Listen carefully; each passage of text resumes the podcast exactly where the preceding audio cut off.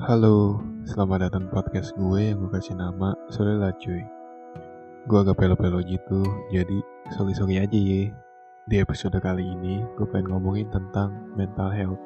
Gue bukan ahlinya, tapi ini cuman pandangan gue tentang mental health. Jadi jangan terima mentah-mentah dan jangan self-diagnose, please. Jangan, gue cuman orang biasa yang pengen mengutarakan pandangan gue tentang topik yang sangat sensitif ini gue pengen nanya?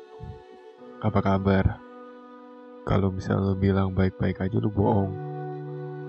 Kadang apa ya?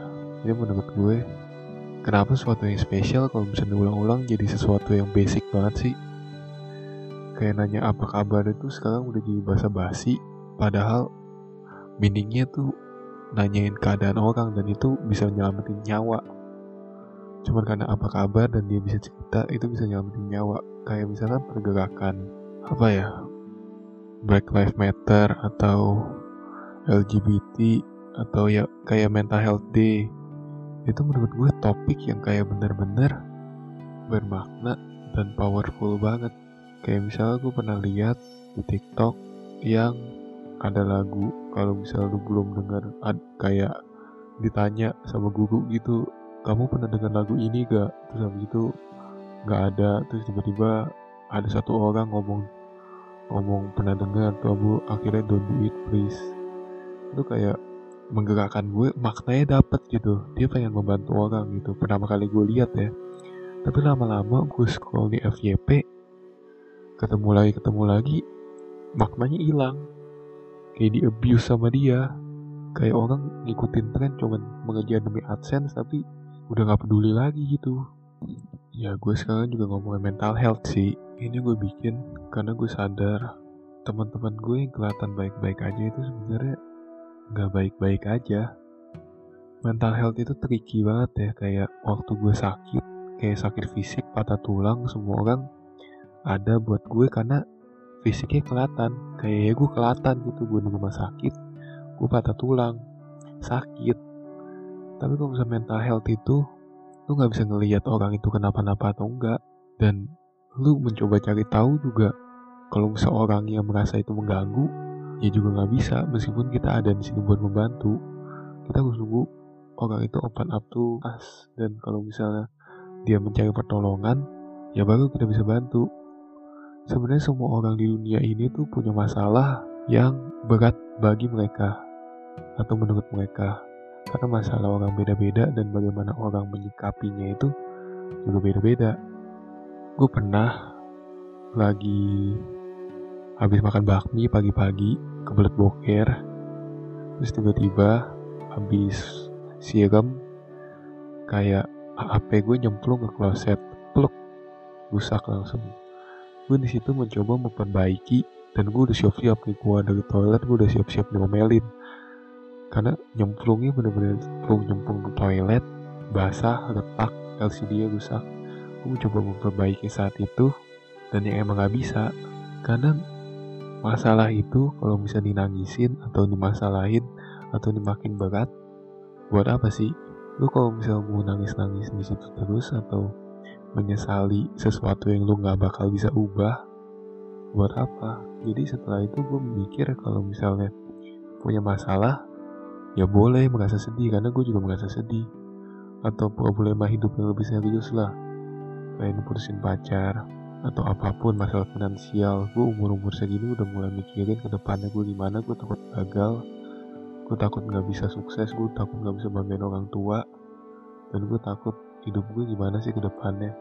Dan karena begitu gue tuh nggak gue stres. Tapi dengan stres itu gue juga jadi bikin podcast begini karena gue sadar gue harus membuat sesuatu dan gue pengen gunain hidup gue untuk membantu orang lain juga.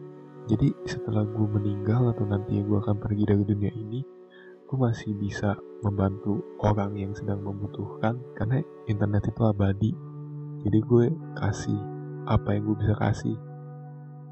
Gue nggak tahu orang tua lu gimana tapi kalau misalnya orang tua gue atau banyak orang-orang tua lainnya itu belum belum apa ya belum terbuka dengan hal ini. Jadi kayak kalau misal gue lagi ngomong kalau misal gue stres tuh biasanya badan gue gatel-gatel dan rambut gue jadi rontok. Dan ketika gue ngomong begitu kayak gue waktu itu pernah ke dokter tentang kulit gue dan rambut gue katanya katanya gue stres jadi bisa begini. Dan gue ngomong gue ceritakan ke orang tua gue dokter bilang begini begini begini. Dia cuma ngomong ya gak usah dipikirin. Padahal gak segampang itu. Setiap kali gue pengen tidur gue malam gue selalu memikirin hal-hal seperti ini. Gue merasa gue lebih sering habisin waktu di pikiran gue sendiri daripada di dunia ini. Dan gue gak bisa taatin perintah orang tua gue yang tinggal bilang gak usah dipikirin. Gak semudah itu. Stereotip tuh bener-bener ngancurin kita ya dari kata orang tua yang nangis itu lemah terus juga kalau bisa kejedot ke kursi atau bangku langsung orang tua kita nyalain kursinya langsung inakal ya pukul kursi. Itu sebenarnya secara tidak langsung membentuk diri kita. Gue jadi oh anak itu menjadi gampang nyalain orang gak bisa lihat diri dia sendiri dan introspeksi ini dia salah atau emang orang lain salah. Dan orang tuh gak bisa tahan ekspresinya. Itu bukan robot yang kayak bahagia bahagia cetak. Kalau manusia diciptakan begitu gue pengen gue kayak gitu. Siapa yang mau merasa sedih setiap hari sih? Gue baca sesuatu dari internet tentang hormon oksitoksin. Ini hormon ini disebarkan saat lu meluk seseorang. Dan ini neurohormon yang memfungsikan sosial insting kita yang buat kita ingin ngobrol sama teman-teman dan keluarga kita. Hormon ini juga meningkatkan empati dan membuat kita pengen bantuin teman kita. Dan lebih kagetnya lagi gue nemuin kalau misalnya hormon ini dilepas juga saat kita stres. Jadi tubuh kita itu udah menciptakan mekanisme pencegahan atau penyembuhan stres dengan cara ngomong ke orang lain apa yang kita rasakan.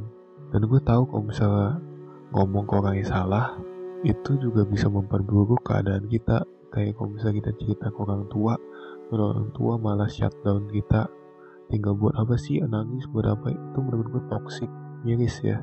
Manusia bisa nyembuhin kita dan bisa langsung hancurin kita. Tapi jangan pernah mengkotak-kotakan seseorang. Semua orang tuh gak sama.